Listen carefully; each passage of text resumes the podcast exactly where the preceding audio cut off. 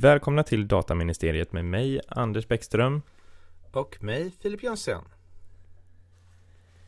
Ännu ett eh, nytt avsnitt. Ja, Strålande solsken hos mig här i Enskede. Hur ser det ut i Bromma? det är väldigt fint. Det är eh, sol, kortbyxor när man lämnar på förskolan. Ehm, jag spelar in i mono som vanligt, men ni hör det i stereo. Ja, det är härligt. Så, nej det, Hur gör du förresten med sånt där? Byter du om? Tar du på dig eh, jobbkläderna så att säga? När du jobbar hemma? ja det är klart, jag har ju kostym varje dag. Ja. Ja, vad trevligt. Det slips eh, och så vidare och så vidare. Mm. Nej, byter om? Hur menar du? Jag har inte pyjamas på mig. Nej, nej men eh, nej okej. Eh, kanske inte pyjamasläge. Speciellt inte om man måste gå och lämna på förskola, skola. Ehm, men ehm, jag tänker mer sådär att jag, jag läser lite olika tips sådär för att ehm, för att få eh, till det där just med att jobba hemifrån och så. För att få, ja, men få lite mer känsla av att faktiskt gå till jobbet och sådär. Och att ett eh, sådant tips var att man skulle klä sig precis som om man skulle gå till kontoret och, och så. Jag läste också att någon tipsade om att man skulle gå en promenad så att man kände att man gick, gick till jobbet fast man ändå gick hem igen. Liksom. Men jag har ju samma kläder på jobbet och hemma. Det är alltid likadant. Alltid fashion. Ehm, ja. Jag har alltid skjorta. Ja. Typ nästan dygnet runt. Och dataministerietröja. Ehm, Ja, om det är lite kallare har jag ju det. Ja. Så nej, men det är ingen eh, märkbar skillnad Nej, det, det är bra. i, i, i, i mina kläder. Jo, jag har kortbyxor hemma när det är varmt. Det är, det är inte kortbyxor på kontoret. Nej, juristerna har inte det. Men jag har sett eh, andra kompetenser ha kortbyxor och eh, flipflops och alla möjliga olika Ja, varianter. ja det låter lite typiskt eh, för juristerna, tänker jag. Ja, Vi är ju ett, eh, till viss del bakåtsträvande och ganska, vad ska man säga, håller på traditionerna. och nu hörde jag någon mejl som gick ut om att det var väldigt kallt på kontoret. I och med att det är betydligt färre, det är nästan ingen där. Mm. Men de har inte ställt om AC'n så att den trycker fortfarande ut lika mycket kallluft som om det är tusen pers eller något. Ja, ja men det verkar ju, ja det verkar ju rimligt. Och det är väl, då är det väl ett, på sätt och vis kanske ett gott tecken att det är kallt. Om nu många Man ska jobba hemma. fryser, fryser ut människor. Ja, Usch, det låter hemskt. ja, ja det, det låter hemskt. Nej men eh, vad, vad, vad har vi hänt? Ja du, vad har hänt, hänt, hänt här? Drygt en vecka. Eller det, ja, det blir två veckor. Ja, det blir två veckor nu. Vi eh, får väl eh, ha lite skämskudde här. Vi missade ju förra veckan. Ehm, Fast samtidigt Men- har vi ju lanserat andra grejer på, på LinkedIn. Till exempel har vi eh, delredovisat eh, svaren om eh, dataskyddsombud. Om man kan ha ett, två eller flera. precis. Det är en av de utredningar vi gör som, som pågår. Där vi superintressant att de har svarat så tydligt olika. Mm. får man väl säga. Där, där norska datatillsynet skrev ett väldigt tydligt svar nej. Mm. Och Datainspektionen skrev ett hyfsat tydligt svar ja. Och eh, Storbritannien som väl i och för sig då kanske inte längre snart, eller de är ju inte i EU men i alla fall har ju övergångsperioden svarade tydligt nej. Mm. Och eh, vi inväntar ju fortfarande några stycken och Europeiska dataskyddsstyrelsen de förklarar inte sin guideline. Där fick vi ju svar att de inte har en rådgivande funktion och inte svarar på frågor.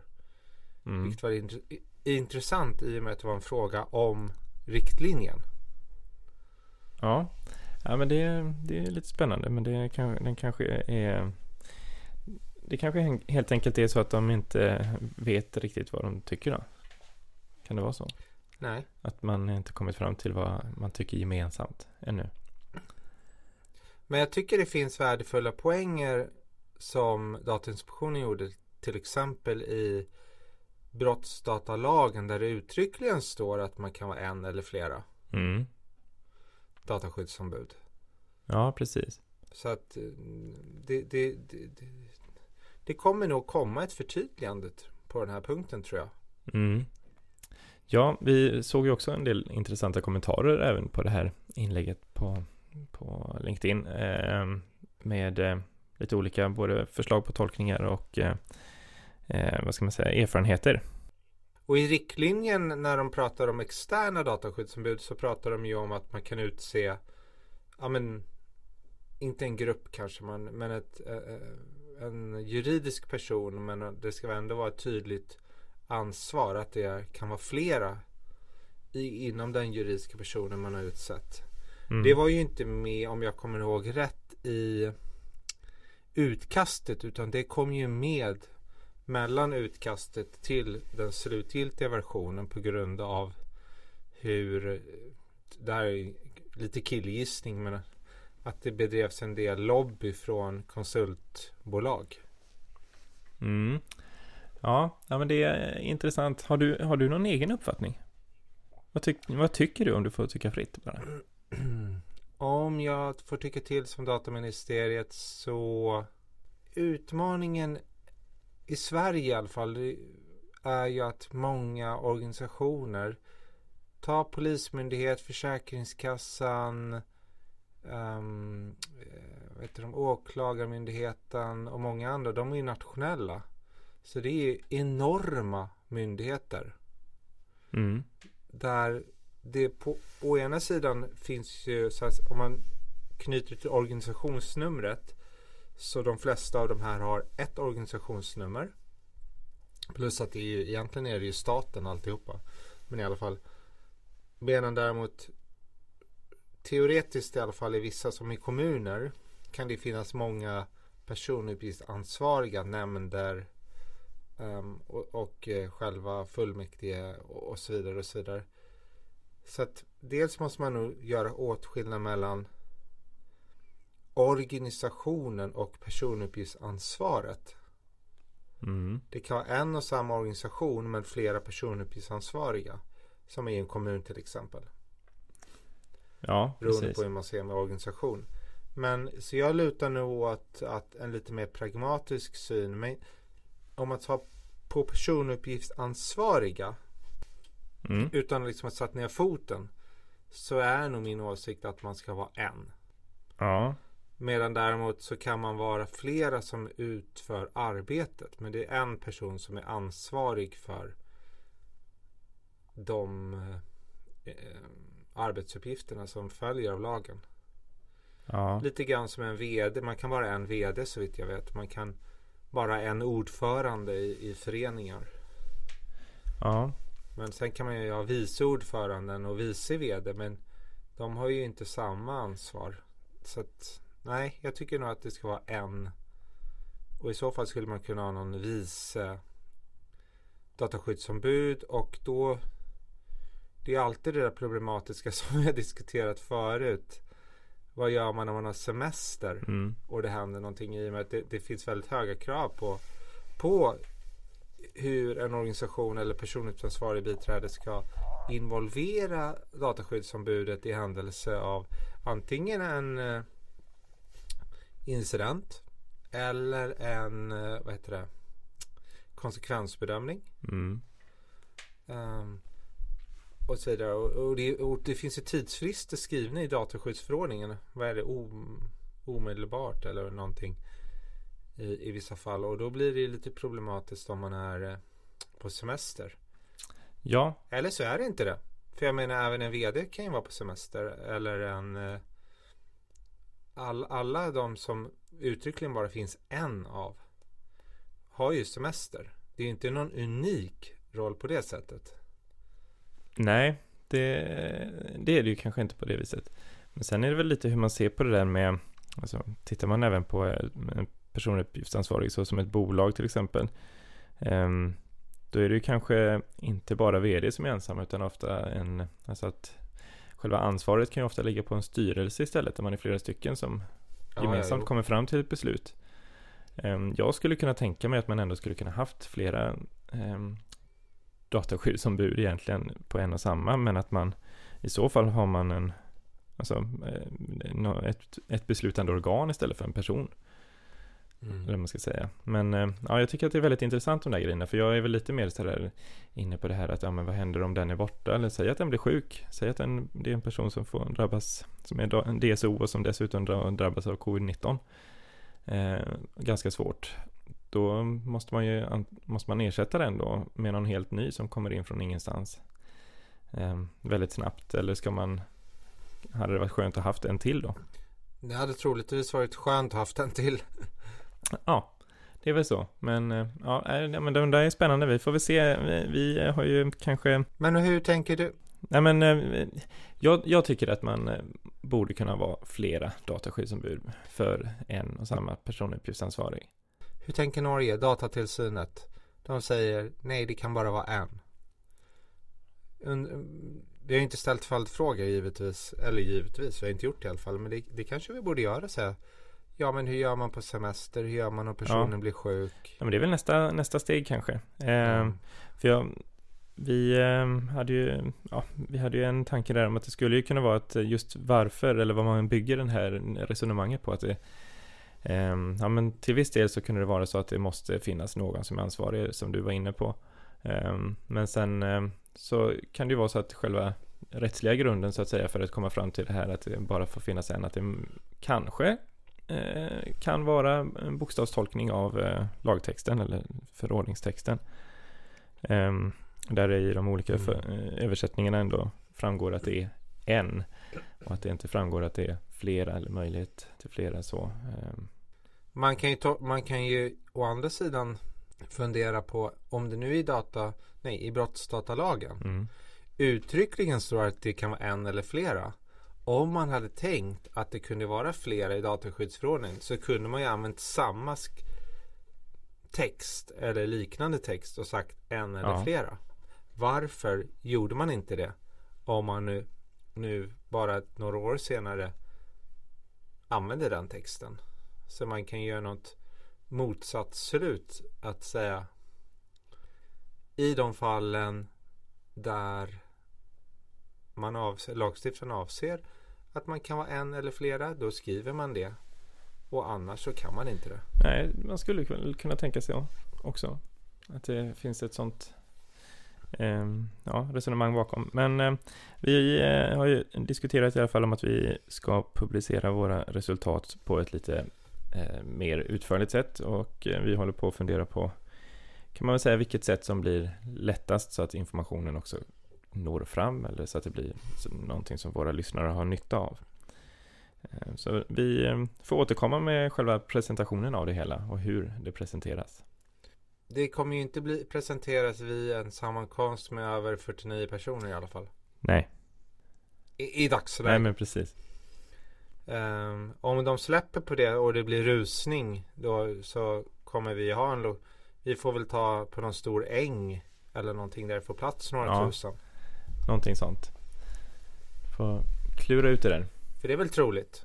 Och vår andra undersökning som väl jag tror egentligen fler är intresserade av är ju huruvida man, ja, det kontraktuella perspektivet på sanktionsavgifter och skadestånd till enskilda och huruvida man kan då begränsa det sinsemellan mellan parterna till exempel då en ansvarig och ett biträde. Ja.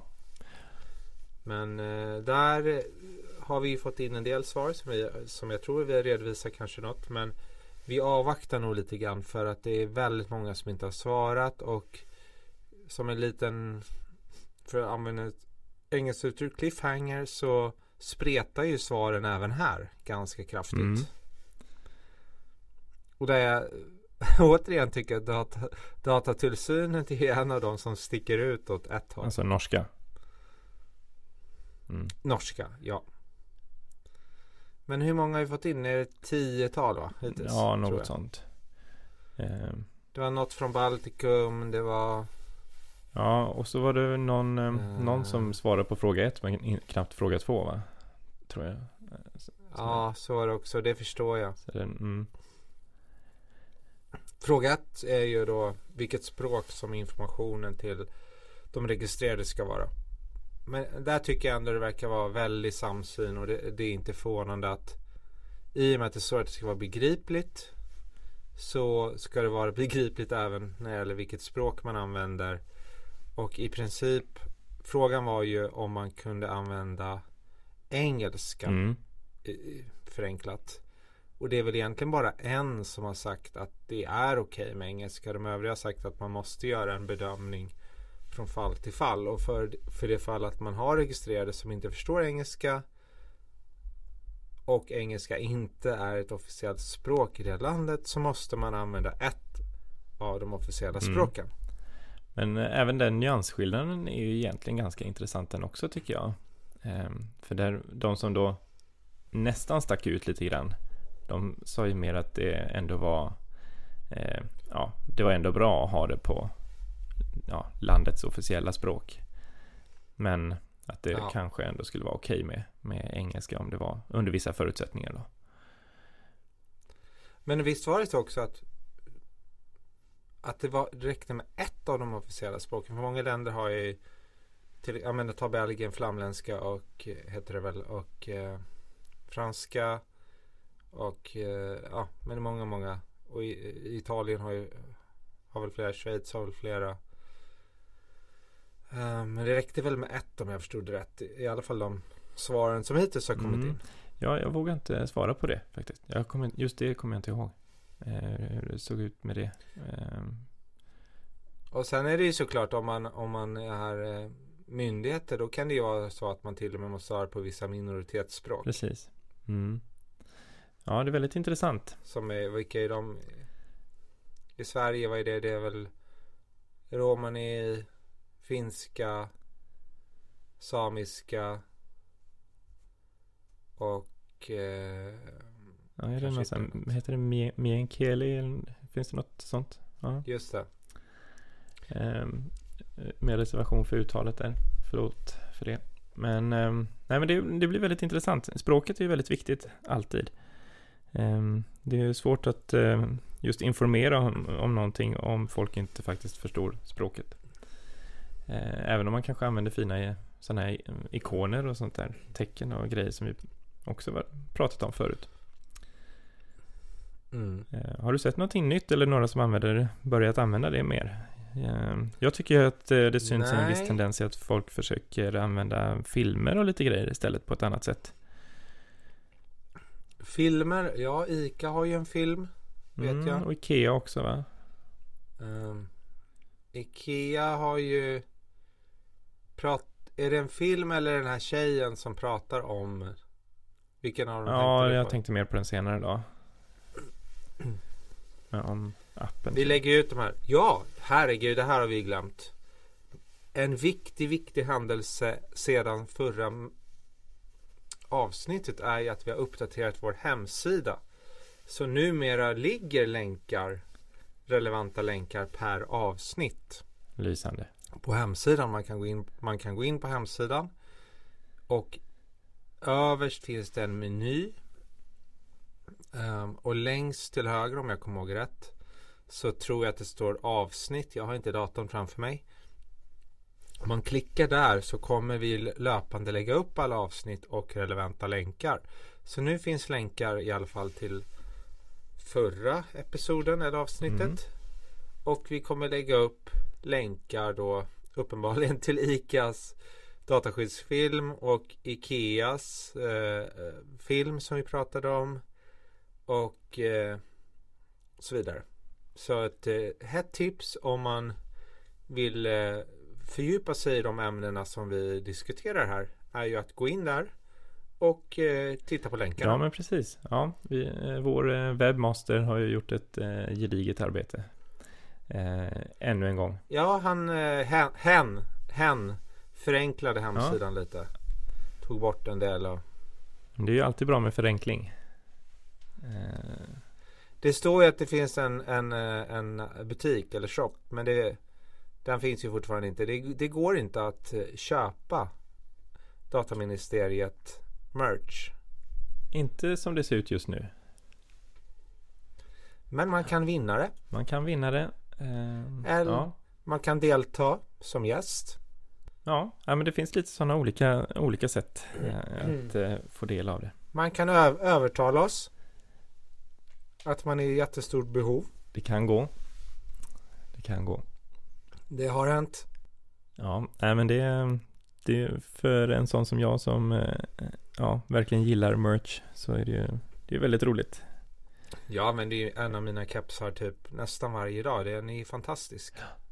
Ja, Den skärmar bort solen. mycket mer kan man ju inte begära av en keps.